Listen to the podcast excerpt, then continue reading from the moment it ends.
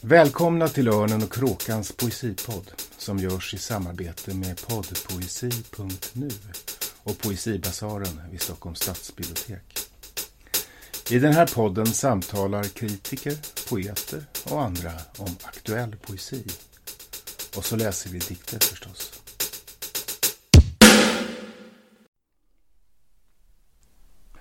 Välkomna till majavsnittet av Örnen och Kråkans poesipodd. Jag heter Magnus William Olsson. När jag var 13 år så var jag för första gången djupt och allvarligt kär. Det var en tjej. Hon hette, heter fortfarande så vitt jag vet, Kristina. Och det dryga halvår eller så vi var ihop slutade för min del i lika delar smärta och lycka. Det var tid för sommarlov. Mina föräldrar som nyss hade skilt sig hade bestämt att jag skulle följa med min pappa på en lång båtsemester. En evighets av grund tycktes öppna sig innan jag skulle få träffa henne igen. Efteråt har det slagit mig att Kristina troligen tyckte att det var rätt skönt. Jag var nog svåruthärdligt echauffrerad.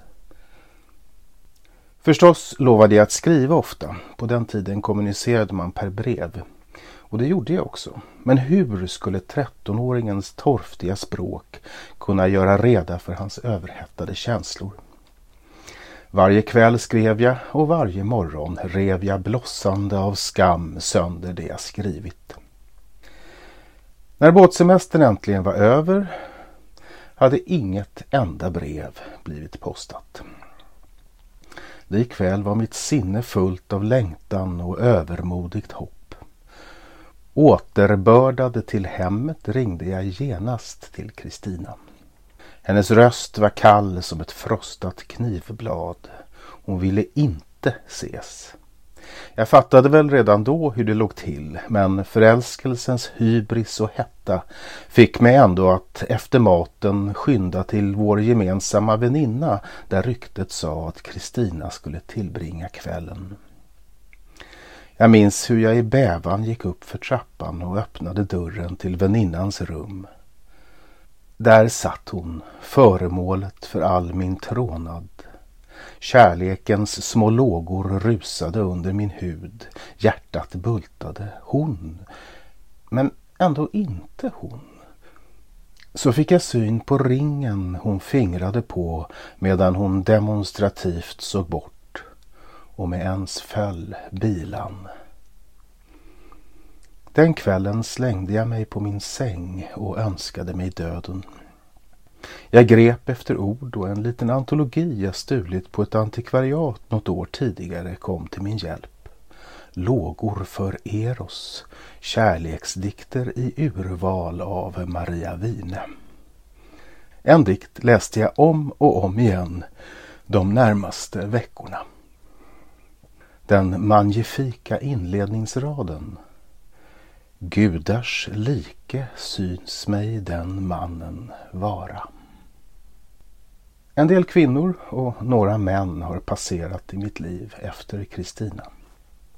Men Sappho har jag alltid med mig.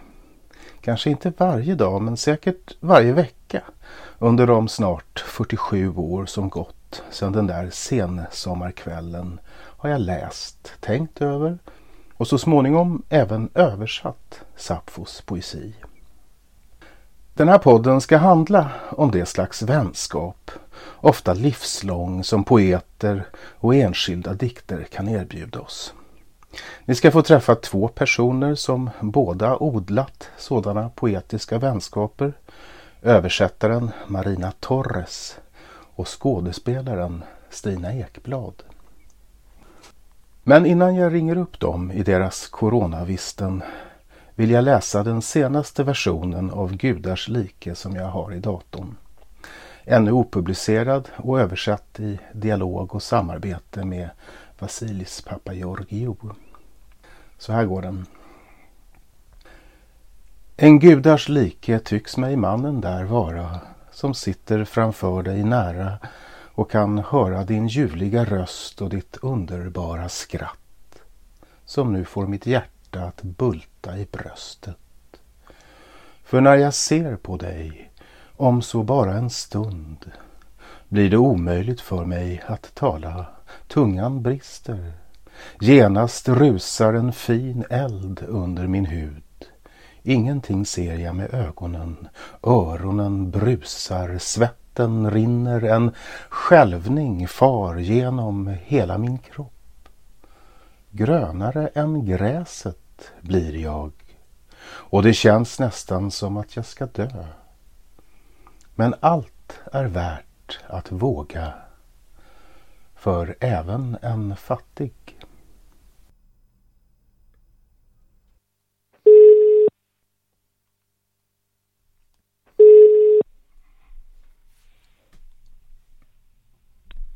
Hallå? Hallå, hej Marina. Eh, hej. Marina Torres, välkommen till Örnen och Kråkan. Det, eh, Tack. Det, det är en ära att få ha dig med i den här podden.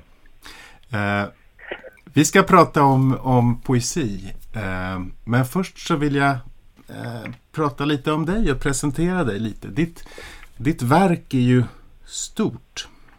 Du har översatt många, många böcker från svenska till spanska och också en hel del böcker från spanska till svenska eh, tillsammans med författare och poeter som Artur Lundqvist och Sun Axelsson och så. Um, du kom till Sverige redan 1958 var det va? Ja. Mm. Eh, och så här års brukar du vanligen bo i Sundbyberg utanför Stockholm.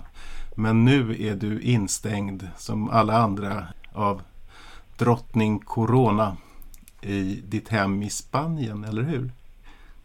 Det stämmer, det stämmer. Vi är här under karantän. Eller... Mm. Mm. Eh, jag tänkte, eh, innan vi går in på den poet och de dikter du har valt att tala om så tänkte jag att vi skulle prata lite om din, ditt förhållande till poesin, om hur det uppkom. Ehm, du är ju gallega, du är född i Galicien i, i nordvästra hörnet av Spanien 1934 vilket väl innebär att eh, dina första eh, medvetna år var väl under inbördeskriget, eller hur? Eh, jag var eh, fyra år, tror jag. Ja. Eh, nej, två år när inbördeskriget började. Mm. Eh, det var 1936. Och eh, jag har mycket, mycket, mycket svaga minnen från inbördeskriget för att eh, vi var eh, i en del av Spanien, eh, i provinsen León, mm. som föll mycket snart, precis som Galicien, i händerna på militärerna. Mm. Eh, så vi upplevde inte så mycket av inbördeskriget. Mm. Utan vi upplevde lite mer efter krigstiden, åtminstone det vad jag minns. Mm. Eh, alltså mer mm, när kriget hade slutat så nöden, eh, förtrycket, mm. eh, den eh, delning av samhället. Mm. Eh, vi bodde i en mindre stad som heter Lavagesa mm. där alla känner varann och då var naturligtvis de röda och de blåa. Mm. Så det är mer den, den uh, tid jag mm. minns än själva inbördeskriget mm. för att det var liksom långt ifrån oss. Mm. Men du, du är uppvuxen i en liberal familj, eller hur? Republikaner? Både och min far var det och mm. hela min fars familj. Mm. Jag hade till och med en farfar som var eh, borgmästare under republiken. Mm. Och det gjorde att min far naturligtvis fick eh, repressalier Eh, därför säger jag, jag minns mer efter krigstiden än själva kriget. Eh, och han som var lärare blev förbjuden att undervisa. Och vi hade det svårt under många år. Mm. Men eh, vi överlevde. Mm. Ja. jo. Eh, och, Men min mor däremot, min mors familj var monarkiker allihopa. Så det, det var lite båda sidor som var representerade. Men jag måste säga att min fars idéer härskade hemma mm. mer än de andra. Just det, och han var lärare. Och, ni, och berätta, hur var det? Det lästes poesi hemma hos dig när du var barn. ja, ja, det gjorde det.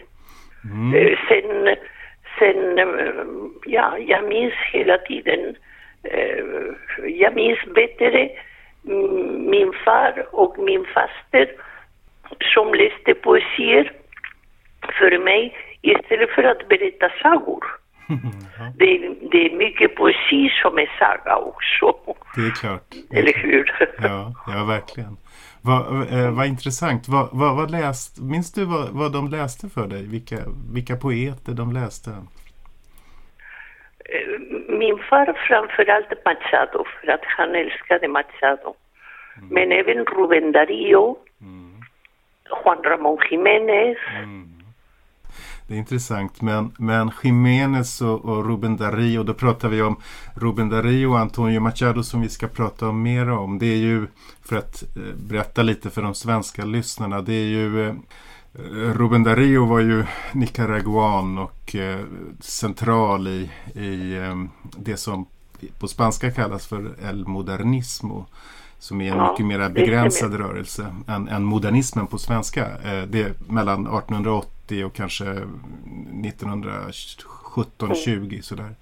Eh, och också Antonio Machado som vi ska prata om tillhör ju den rörelsen. Eh, och Jiménez, han känner ju svenskar till eftersom han fick Nobelpriset 1956. Eh, Men han är ju också en, en ganska lite solitär poet, eller hur? Eftersom han, han ligger mellan generation 98 och generation 27 i, i spansk poesi lite grann. Och han är också en poet som är lite för sig själv. Man kan inte placera honom riktigt någonstans. Nej. Jag tror att han är sin egen på något sätt. Mm. Mm. Men hur var det med din faster och din pappa då som var poetiskt intresserade? Skrev de själva också dikter? Ja, min far skrev, eh, skrev både eh, prosastycken och, eh, och eh, poesi. Men eh, ingenting som var av... Det, det, hade, det har för mig en känslovärde, men inte mer. Nej. Och så min, min faster som var min, min fars yngsta syster. Hon älskade teater och hon hade önskat bli teaterskådespelare eh, hela tiden. Hon blev aldrig det, hon var lärare. Men hon kunde eh, teaterpjäser utan till. Och hela Zarzuela, så vet den här sortens spansk operett som heter Zarzuela, hon kunde dem utan till. Och så alla romanser från de spanska medeltiden gamla romanser. Och hon eh, istället som sagt för att berätta sagor, hon både be, eh, läste eh, eller reciterade eller sjöng dessa romanser för mig. Så det, det, för mig poesin var något vardagligt säga. Men berätta, berätta Marina, hur, i vilken, var det bara för dig när ni var ensamma eller var det så att, att det framfördes inför hela familjen när ni samlades eller hur, hur, hur, hur, hur, hur gick det där till? Det var mer... Vi hade inte för vana detta som är så, eller var så vanligt i Sverige, att samla familjen efter middagen och läsa högt för alla. Nej. Vi var en liten familj, mamma, pappa och jag. Jag hade inga syskon. Och så den här faster till mig som eh, var ogift under många år. Hon gifte sig sent. Hon besökte oss ofta. Var den yngsta i, i min fars familj. Och hon var vacker och hon målade sig och var väldigt glad och jag var mycket förtjust i henne. Mm. Och alltid när hon var hemma, och hon var hemma ofta, hon, hon berättade och ja, när vi var tillsammans, när jag var hemma och kanske medan hon målade sig mm. så uh, berättade hon för mig. Eller. Mm. Mm. Men det var inte så att vi samlades och lästes, Nej. utan um, det var mer istället för sagor som man läser när barnen går till sängs. Mm. Mm. Uh, ja, det, den här, det här programmet eller den här podden handlar ju om uh, poeter och, och dikter som man har ett långt förhållande till, kanske under ett helt liv. Och som sagt var så har du eh, valt att tala om detta utifrån en av de poeterna som du har läst länge, nämligen Antonio Machado. Eh, och nu har vi redan förstått att du redan som tidigt i din barndom kom i kontakt med, med eh, Machados eh, dikter. Ja, men han, hans poesi den är ju på ett sätt både väldigt eh, eh enkel och folklig och väldigt komplicerad. Eh, mm. minst, minst du, kan du minnas om hur det var hur du kände det som barn inför. Kan du minnas hans dikter från barndomen någonting? Många. Men en som är väldigt typisk det är den som heter Recuerdo infantil, barnslig minne som äh, handlar om en lärare som undervisar i en, äh, ett klassrum. Mm. Och eftersom min far var lärare och min mor också och min faster också det är en sån där uh, dikt som man liksom uh, hade väldigt, väldigt nära. Mm. Sen finns det andra som är liksom små sånger. Mm. Uh, han, Machado, var från Sevilla och han hade en stark inflytande av folksånger och, mm. och han tog det sättet att, att säga saker och ting mm. eh, som folkliga eh, sånger, det som heter kopplas också mm. på spanska här och, och gjorde dikter som är väldigt fina, det är liksom små sånger och eh, andra som är av mycket mer djupare karaktär också. Mm. Och, och, så finns de äh, dikter som äh, han skrev under kriget som han skrev. Ja. Han, han har en så stor fält mm. där han rör sig. Och, mm. Mm. Kärleksdikter som är mycket vackra, mm. naturdikter. Och så för mig som är uppvuxen i ett landskap som den eh, kastilianska landskap han var ledare både i Segovia och i Soria som är typiska kastilianska städer. Mm. Och de, de, de landskap, det är de som tillhör min mm, barndom, min ungdom. Mm. Jag, jag, kan, jag kan känna mig väldigt, väldigt nära mm. och rörd av just dessa dikter. Mm. För att... Mm. Eh, och, och, det, det, det, och du, eh, kan du minnas när du så att säga började läsa Machado mera som eh, en... Jag menar, i barndomen har man en relation till, till poesi kanske i lyckliga fall som är omedelbar och, och, man lyssnar och man känner mycket och så. Men någon gång så börjar man, kanske i synnerhet med en poet som, som Antonio Machado, förstå att eh, det finns ett djup och en komplikation när man börjar, börjar läsa honom mera som en, som en vuxen, som en litterat. Eh, kan, kan, du minnas det? Du, du läste honom förstås i, när du studerade och så också, eller? Nej. Eh, Machado och nämndes som, han har också, Antonio Machado har en bror mm. Eh, e, somerokso poet. Eh, Machado var eh, på republikens sida, Antonio. Mm. Men den andra var Manuel. för, mm. Eh, på Frank Manuel, eh, var på Francos sidan.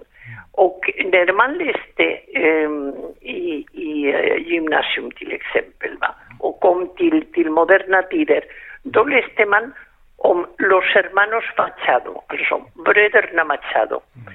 Och det var kanske tre, fyra linjer om dem. Mm. Och punkt. Lorca nämndes överhuvudtaget inte. Eh, det, eh, Juan Ramón väldigt lite. Mm.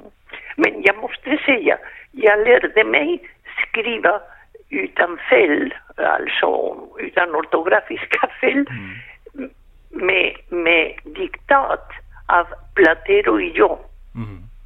Min far. Mm. Jag gick i en klosterskola, men min far var lärare och han såg till att jag, jag studerade ordentligt. Och han brukade diktera mig ur den här boken. Så när började jag läsa Machado medvetet? Jag kan inte säga det. Nej. Jag kan inte säga det. När jag, när jag var mogen för att läsa och, och bilda mig en egen uppfattning, då var jag kanske 15-16 år. Och då var jag nyfiken på, på andra saker som var lite mer främmande för mig. Mm. Eh, till exempel, eh, jag minns att jag, jag upplevde en stor entusiasm för Tagore mm. som jag inte hade läst någonting av. Och, eh, då läste jag allt jag kunde komma åt mm. av honom. Mm. Och så eh, en annan en väninna läste en bok av en eh, poet från Argentina mm. som heter Alfonsina Storni. Och var också en enorm upplevelse för mig. Jag hade aldrig läst någonting sådant. Mm. Eh, mm. Alfonsina Storni. Jag hade läst...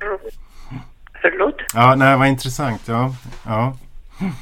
Eh, med, med Alfonsina Storni som ju var Eh, eh, också en, en, en, tidig, jag säger bara för lyssnarna här, också en tidig argentinsk poet som, som tog sig själv av daga och som Lorca faktiskt träffade på sin, sin resa till Buenos Aires. Ehm, eh, men en, en, väldigt viktig poet förstås i spanskspråkiga världen. Och inte minst genom sitt tragiska öde.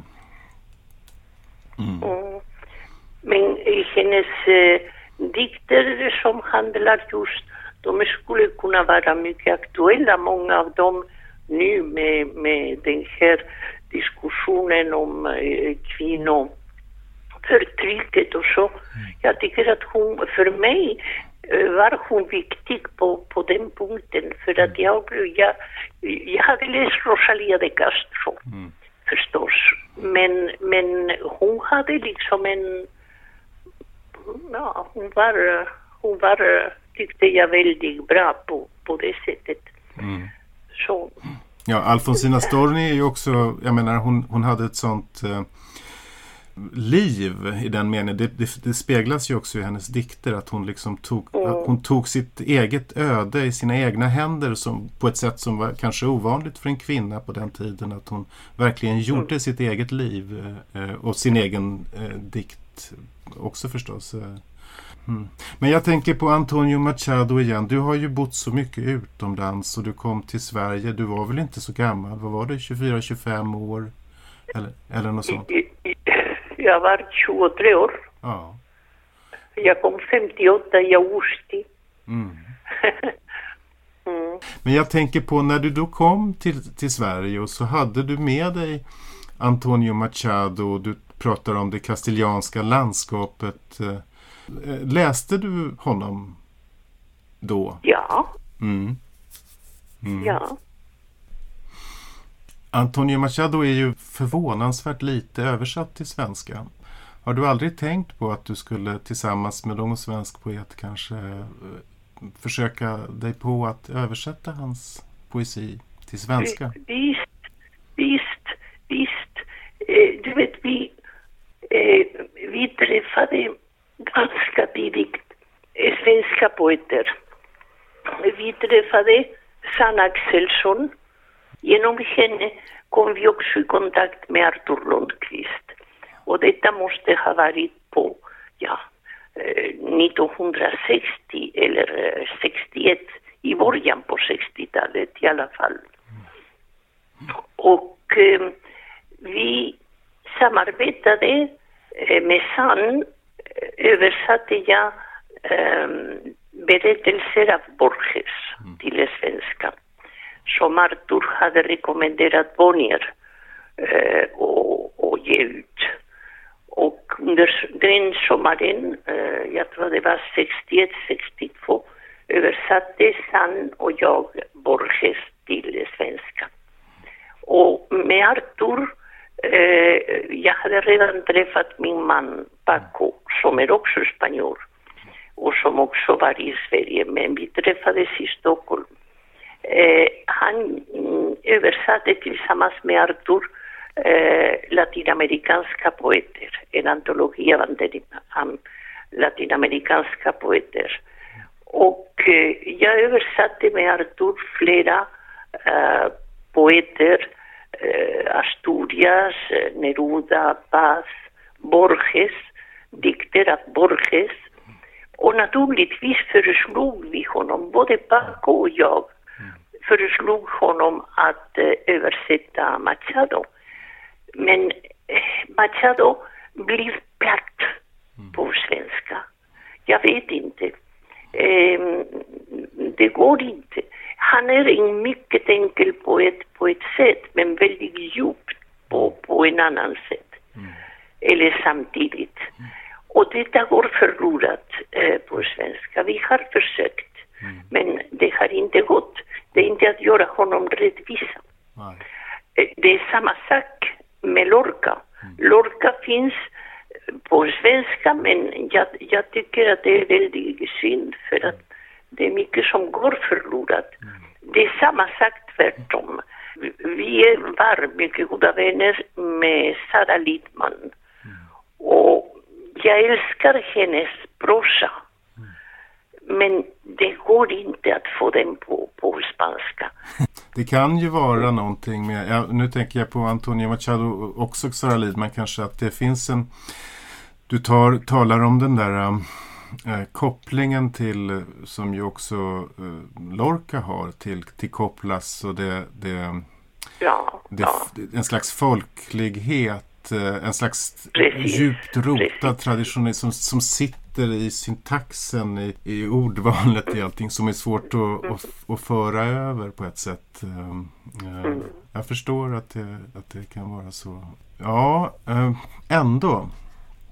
Ska vi sluta den här samtalet med att du läser en av Antonio Machados dikter på, på spanska. Den här som handlar om barndomsminnet eh, och sen har vi ju du och jag och Paco.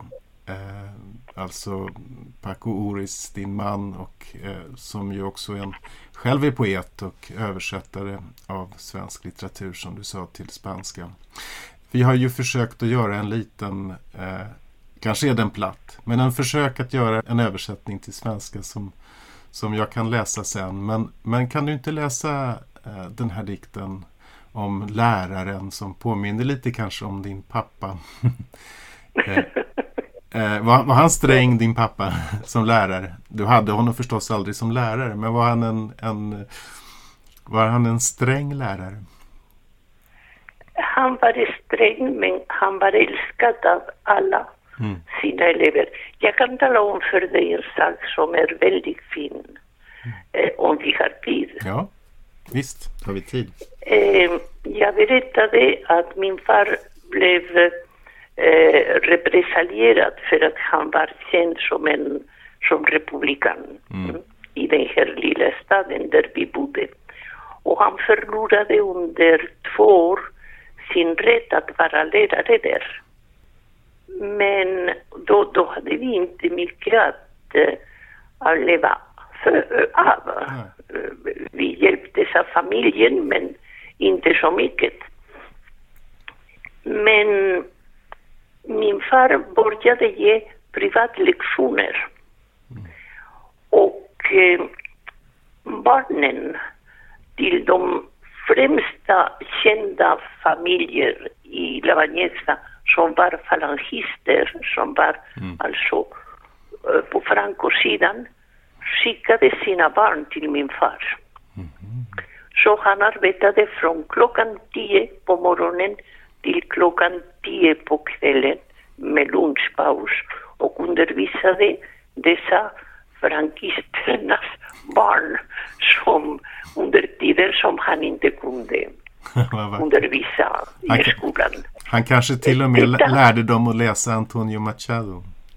Ja, det var inte så lämpligt kanske. Nej. Men eh, det finns en konstig reaktion där som visar en solidaritet mm. som ligger mm, mycket, mycket djupare än, än dessa politiska stridigheter. Mm. För att det var som sagt de, de familjer som också kunde betala privatlektioner. Mm. Mm. Så det var, detta var, och de, det, det, det fanns elever som långt sent i livet eh, alltid hälsade på honom och, och skrev brev och ja, han var en mycket, mycket bra lärare. Mm. Det var han. Intressant. Uh, uh, men låt oss, låt oss sluta med att läsa uh, barndomsdikten på spanska. Du kan väl läsa okay. den på spanska så läser jag den, vår översättning på, på svenska sen. Jag, för, jag försöker, jag försöker. Recuerdo infantil. Una tarde parda y fría de invierno. Los colegiales estudian. Monotonía de lluvia tras los cristales. Es la clase. En un cartel se representa a Caín fugitivo y muerto Abel junto a una mancha carmín con timbre sonoro y hueco, truena el maestro, un anciano mal vestido, enjuto y seco, que lleva un libro en la mano. Y todo un coro infantil va cantando la lección. Mil veces ciento, cien mil, mil veces mil, un millón. Una tarde parda y fría de invierno. Los colegiales estudian monotonía de la lluvia en los cristales. Mm. Vackert. Det är en underbar dikt. Det är det är ju den här vackra upprepningen av, av första strofen eh, som kommer tillbaka i den sista. Det är, det är, ett, det är ett mycket machadiskt eller machadoskt grepp. Det, där. det är just en slags folklighet. Eh, så här, eh, nu var det så här, jag berättar för lyssnarna nu att, att eh, Marina och Paco gjorde en, en version och jag petade lite på den och utan alla stora anspråk så blev det så här. Barndomsminne. En mörk och kall eftermiddag om vintern. Skolbarnen studerar. Regnets entonighet bakom rutorna. Det är lektion. På en plansch visas Kain på flykt och Abel död invid. En karminröd fläck. Med sonor och ihålig stämma ryar läraren, en gammal man, illa klädd, torr och insjunken och med en bok i handen. Och en hel barnakör sjunger sin läxa. Tusen gånger hundra, hundratusen, tusen gånger tusen, en miljon. En mörk och kall eftermiddag om vintern Skolbarnen studerar regnets entonighet bakom rutorna.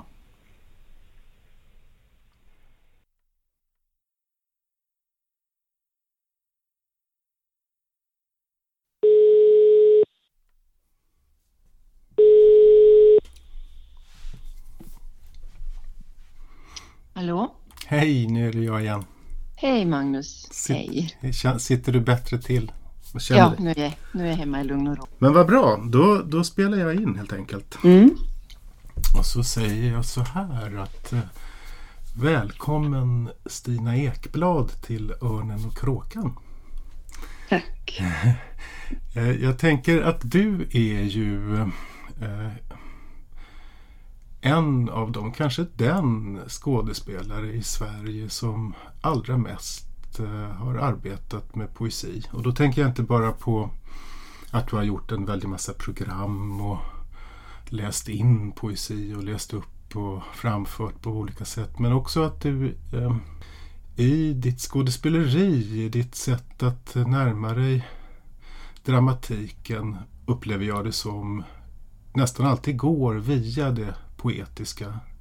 Alltså jag tänker på språket som läte, rytmiken, fraseringen. Mm. Också kanske det, den sorts kroppslighet som poesins uttryck eh, medger. Eh, jag undrar, hur kommer det sig att, att eh, poesin har fått en sån betydelse i ditt konstnärskap? Jag tror att det faktiskt hänger ihop med att mitt allra första minne överhuvudtaget i livet är minnet av en dikt. Och det är så djupt präglat i mig så att det, det kommer jag aldrig ifrån. Uh, när jag ska liksom tänka tillbaka på vad som är mitt första minne i livet så kommer det alltid för mig otroligt starkt. Och det är då en, en upplevelse av röst och rytm därför att det var min mamma som läste en dikt för mig. Uh, och jag vet att den anledningen till att jag vet att anledningen till att hon läste den dikten för mig eller um, inte, inte anledningen till utan på grund av att hon läste den dikten för mig så ville jag börja lära mig läsa själv.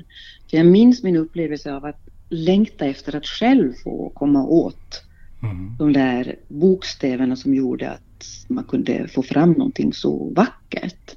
Mm. Så det, det, är klart att från början hade funnits i mig en sån här medfödd skönhetslängtan av något slag. Den, den kommer man väl inte ifrån men, men, men eh, det, det, det, det, fick ett sådant fäste i mig det här den här dikten att eh, jag, jag, var, jag var liksom beredd på att livet skulle vara poetiskt. Mm. Men där, jag tänker i den där upplevelsen eh, så finns det ju också en relation. Det, det är ju vackert att du berättar om att den gav upphov till att du ville lära dig att läsa. Det finns en relation där mellan att lyssna och läsa. Eh, mellan språket och lyssnandet. Eh, som jag tänker eh, har någonting med poesins eh, sätt att eh, det poetiska skapandet att göra i vid mening. Alltså att man, att man eh, går jag menar, det finns ju många som interpreterar text genom att förstå den och att liksom ta sig an mm. den eller ta mm. sig an gestalten. Men, men det där att lyssna till vad, vad rösten säger, också att, att ha ett lyssnande förhållande till sig själv, till sin egen röst. Eh, mm. tänker jag att det, det ligger väldigt nära att, att skriva poesi också. Eh, ja. ja. Ja, intressant. Ja, skriva och framföra och just den här upplevelsen av att poesin är kroppslig. Mm. Den uh, fick jag med mig från början och den har jag, den har aldrig lämnat mig. Ja, och det är också det förstås jag då har tagit med mig i mitt arbete som skådespelerska. Att jag måste ju vara en levande kropp. Det är min kropp som gestaltar orden. Så att poesin, texterna, orden, språket måste liksom in i mig först och sen måste det lämna mig. Och det där är ju en, en, en kroppslig växelverkan genom ett, mm, från, ett, från ett tryckt papper, ett pappersark, skrivna ord mm. till en, en sensuell röst som förmedlar det här då. Mm. Så det där är ju den där det är ju liksom skådespelarprocessen. Mm. Men jag har hela tiden, jag har hela tiden språket med mig, orden, poesin och, och börjar varenda roll utifrån, utifrån orden just. Det finns ju olika sätt att närma sig roller på men för mig är det där extremt viktigt att jag liksom tittar på orden. Och mycket riktigt som du säger också att, att använda dem som nästan som, som signalsystem eller som som, som material som man kan bruka, hur, hur de låter, hur det känns i munnen, hur, hur, hur rytmen är, hur förhållandet är mellan konsonanter och vokaler. Alltså, alla de där sakerna är, är väldigt viktiga mm. Mm, för mig. Jag tänker det där, när det, det här barndomsminnet, det var ju då du är ju uppvuxen, född och uppvuxen i Österbotten eh, söder om Vasa. I eh, en liten by, va? jag har aldrig varit där, som heter Solv, eller hur? Mm. Uh, uh, jag, jag, tror kanske inte att jag har varit i den byn, men det är ett specifikt landskap. Och, uh, mm. Jag tänker att, hur, hur, det, hur kommer det sig att din mamma läste dikter för dig? Ja, det, jag tror faktiskt att, jag tror egentligen att hon själv tyckte så mycket om att höra sin röst i, i den här mm. dikten. Och, och det är så lustigt därför att alltså, vi, vi är fyra syskon och inget av mina andra syskon har något minne av att hon någonsin har läst någon dikt för dem. Så det måste ju också vara någonting i mig som triggade det där. Um, kanske att hon någon gång liksom hon hade, vi hade en, hon hade en bok hemma, hon gick på folkhögskola och då hade hon en antologi och i den antologin fanns då bland annat den här, den här dikten då som hon läste för mig. Mm. Och, och det, må, det, måste ha, det måste ha klingat till klickat till omedelbart i mig. Mm. Eh, för att uh, hon återkom till det där då. Mm. Uh, och det var, dikten var, måste jag säga också, det var ju en spelmans jordafärd av Dan Andersson. Och det var framförallt Vilken den dikt dikten. att läsa för sin, ja. sin unge. ja. ja. Men du vet ju det, det finns ju, barn har ju den där förståelsen för döden på ett helt annat sätt än, oh. än vad man fattar när man blir vuxen. Ja. Jag älskar det. Jag kommer, ihåg, jag kommer ihåg hur jag tjatade på henne att hon skulle läsa om fyra svarta män. Mm. Och det är ju de här bär och den här dödöda. Mm. Um, men, men hon, och hon läste mycket hon, hon, hon var själv en väldigt dramatisk människa med sta, stark röst, kraftfull röst och mm. liksom stora drag och sådär. Mycket, ja, ganska teatralisk person kan man säga. Och jag tror att hon njöt av det där, för hon läste ju väldigt, väldigt bra och med väldig inlevelse. Mm.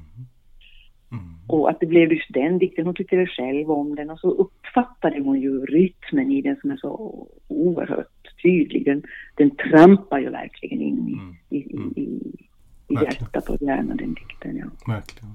Men sen, kom, sen så, så började du helt enkelt eh, själv läsa och, och läste då också poesi så småningom?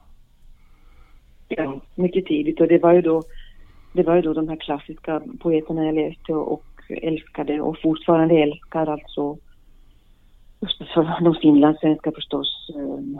Jarl Henner och Runeberg och Topelius och, mm. och förstås då sen Karin Boye, Nils Ferlin, Gustaf Fröding, Karlfeldt, alla de här som de här sångarpoeterna liksom där, där just den här, det musikaliska i dikten var väldigt tydligt.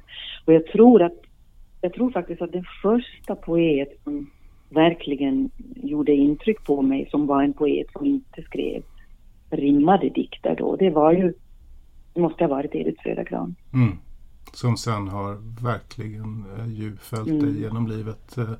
jag, jag, tror att jag minns, jag, har ett, jag inte, kan inte placera riktigt, men jag tror att det kan ha varit på Mosebacke eventuellt i Stockholm när jag första gången ja. hörde dig läsa Edith Södergran. Det måste ha varit mitten på 80-talet eller något sånt.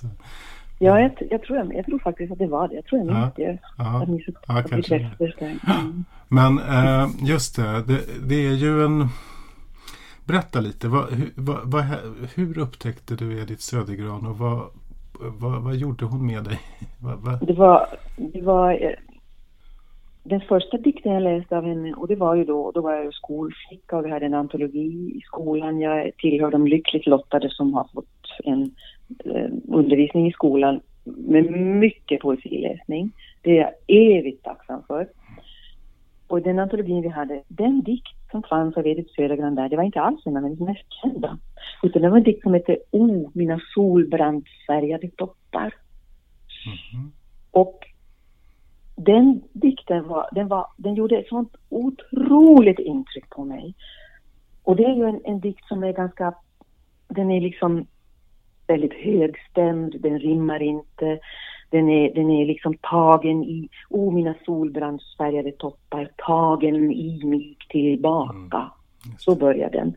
Och den är, den är väldigt, uh, den är liksom kraftfull, skön, vacker. Man, det, är, det är pluraländelser och det är resen eder. Mm. Um, men det, det, som, det, som, det som var så, så, starkt för mig det var att jag läste den här dikten som om att det handlade om, som om att det var en kvinna som hade skrivit en dikt till sina bröst. Mm -hmm. Och jag läste den då när jag själv var så här knoppande. Mm. Så det var väl en av anledningarna till det då, att, att jag tyckte att det var så chockerande att, att, att någon hade skrivit en dikt om sina bröst. Och när man läser den så ser man ju att det skulle mycket väl kunna handla om det. Mm. O mina solbrandsfärgade toppar och mm. längtan ständigt bröst, vilja växt högt upp i mm. skyarna, vit jord och hög himmel. Jag vågade förstås inte säga prata med någon om det här, att, att jag tyckte, vad är det här för något? Du skriver en dikt om sina bröst och så. Men jag minns, minns den här känslan av att, att det var någonting stort och någonting lite förbjudet och någonting lite pirrande det där. Mm. Och så sen så förstod jag ju då att hon antagligen hade suttit i Davos och blickat ut över Alperna och tittat på solnedgången när hon skrev den. Så kan det ju ha varit. Men det, är det gör det inte mindre möjligt att läsa den som du gjorde förstås. Det är väl någonting Nej. med Edith Södergran tänker jag som har med det att göra. Alltså det finns ju, jag, jag, tidigare i den här podden har jag pratat med Marina Torres, eh, översättaren, och hon berättade att när hon var ung kvinna, ung, eller, ja, ung kvinna och så, så var, var, läste hon en poet som heter Alfonsina Storni, en argentinsk poet som eh, är på många sätt lik Edith Södergran. Född samma år för övrigt, liksom Marina Tsvetaeva. Ett, mm. ett mm. fantastiskt år för, för, ja. för den internationella Verkligen. poesin. Men ja. eh, jag tänker det att eh, eh, såväl Alfonsina Storni men för din del Edith Södergran, det är ju inte helt, någon helt lätt vänskap och identifikation att ha i sitt eh, men vuxenblivande för att eh, det är ju väldiga anspråk. Ja. Intressant. Jo, jo, verkligen, verkligen. Man, man kan bli alldeles omkullslagen av detta. Eh, denna, denna storm, denna kraft. Aha. Och det, det, det, har jag ju också blivit eh, emellanåt. Men, men jag känner ju att just den där enastående blandningen av, som hon då faktiskt ger uttryck för, till den här prepubertala läserskan i den här storartade dikten O mina solbrandsfärgade toppar. Där skriver hon där skriver hon alltså faktiskt in sin, sin hon skriver in en, en kropp och hon skriver in eh, ett, ett, någonting storslaget, hon är själfull och hon är konkret, hon är kroppslig och hon är, hon liksom, hon omfattar, i alla fall då när jag läste den, hon omfattade hela mig och hela mitt människoblivande och kvinnoblivande i, i, i några i liksom stora ord. Och det, det, tyckte jag väldigt mycket om. Jag fick, jag fick en känsla av, och senare också mer och mer när jag läste henne, just att, eh, att livet kunde vara och måste få vara storslaget. Det, det fanns någonting fanns någonting annat och någonting utöver det man var i då mm. sin vardag och det lilla. Mm. Och jag kände att detta storslagna, det finns också i mig. Och visst har jag blivit skrämd av det ibland också, men framförallt så har det faktiskt eh, inspirerat mig. Mm. På olika sätt, men genom hela livet. Mm. Och det är klart att olika dikter har talat till mig på olika sätt genom olika åldrar. Mm. Eh, och, och de där riktigt, riktigt våldsamma mm nietzscheanska eh, dikterna där från slutet av hennes liv, de, de närmar, närmade jag mig först, har jag först närmat mig på senare år. Mm. Därför att jag kände en, en, en skräck inför dem som ung. Men, numera läser jag även dem med stor behållning. O, oh, du härligaste av allt härligt, min kropp. Mm. Ja, varför inte?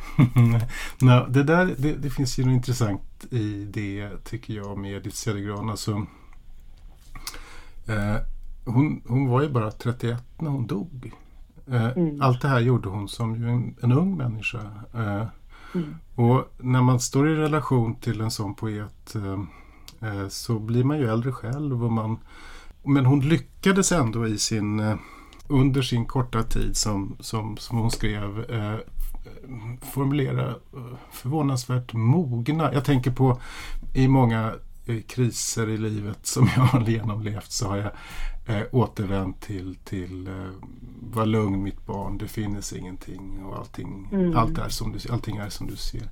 Alltså eh, en slags ja. eh, eh som har gjort att Edith Södergrans poesi fortfar att vara en samtalspartner eh, mans, ens egna erfarenheter är så mycket um, äldre, vad ska jag säga, hör till en äldre ålder än vad hennes ja.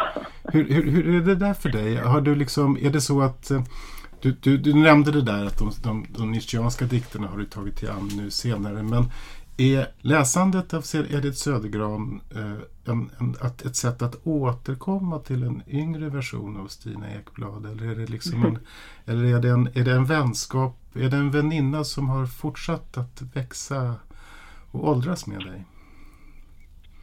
Ja, jag tycker att det är en väninna som har fortsatt att växa och åldras med mig. Med, det, det är ju märkligt när du säger att hon att hon var så ung när hon dog, det tänker jag på ibland, men för det mesta tänker jag inte alls på det så, utan jag tänker verkligen på henne som en eh, medresenär som alltid har någonting att, eh, att ge mig. Som tröst i ingenting eller någon slags hopp. Eh, landet som icke är. Döden, ankomst till Hades. Hon, hon, hon hon genomled ju också, hon hade så många år av sjukdom och plåga som, som gav henne erfarenheter som varken du eller jag har varit i närheten av eh, ännu. Men som vi kommer att nå, som kommer att närma sig oss när vi närmar oss våra, slutet på våra liv också. Och hon kanske levde snabbare än vi gjorde på, på ett sätt. Och sen hade hon en enastående begåvning och en inlevelseförmåga och en fantasi utan like. Hon använde sig av sagor som hon liksom läste som barn, som jag läste som barn och väver in dem i en, i en vuxen upplevelse och i en, en, en, en åldrande människas mm. syn på tillvaron också som, som gör att hon känns eh, på något sätt...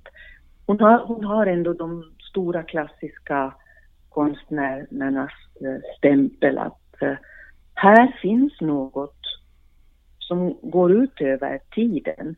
Klart att hon också är bunden av sin tid men oh, väldigt lite tycker jag ändå måste jag säga. Jag mm. tycker att hon känns så, så, så, så frisk och modern. Och, mm. och, och, jag älskar verkligen också den här um, hennes förmåga att kunna ge mig uh, ork, kraft, uh, tåga. Mm. Mm. Mm. Hur tänker du dig att, eh, att ert liv tillsammans ska fortsätta? ja, ja, jag läser henne ofta i olika sammanhang och det, det är väldigt roligt att, um, att göra de här programmen med hennes dikter och, och där jag berättar lite om hennes liv, kanske läser ur hennes brev. Jag, jag har henne pågående med mig också i arbetssammanhang. Jag har träffat olika musiker och konstnärer genom årens lopp som har levt och lever också med Edith, tonsatt hennes dikter, målat utifrån hennes dikter. Man stöter alltid då och då på människor som man känner en frändskap med omkring just Edith Södergran och det är väldigt roligt. Och när jag nu, jag, jag har skrivit en, en slags poetisk självbiografi eller vad man ska kalla det, mm. en sorts memoar som, som, jag kom, som kommer ut i höst och den, där, där tar jag då en massa dikter som har betytt mycket för mig i mitt liv eh, verkligen betydelsefulla dikter som jag förstås började med Spillmans gjorda Färtan Andersson. Men där fick jag verkligen tänka noga innan jag, alltså inte tänka noga men det var svårt att välja Edith Södergran-dikter därför att jag skulle kunna skriva liksom ett eget kapitel nästan utgående från varenda dikt som skulle mm. associera till olika saker i mitt liv. Mm. Men jag valde förstås O mina solbrandsfärdedotter mm.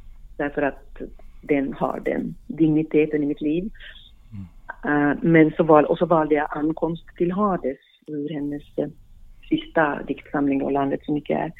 Och jag visste tidigt också att titeln på den här boken skulle ju vara en rad ur någon av Edith Södergrans dikter.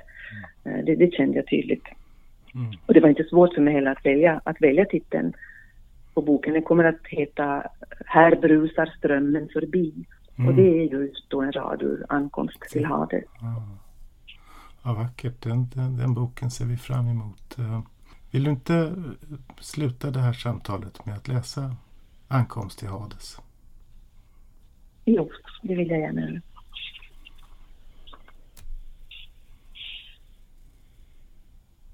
Se, här är evighetens strand. Här brusar strömmen förbi och döden spelar i buskarna med samma entoniga melodi.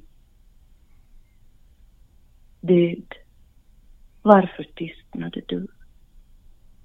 Vi är komna långt ifrån och är hungriga att höra.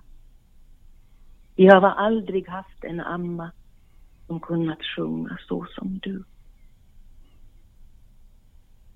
Kransen som aldrig smyckat min panna lägger jag tyst till din fot. Du skall visa mig ett underbart land där palmerna höga står och där mellan pelarraderna längtans vågor går.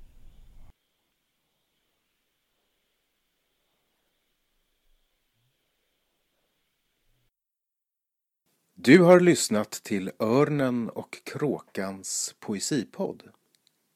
Läs mycket mer om aktuell poesi på ornenochkrakan.se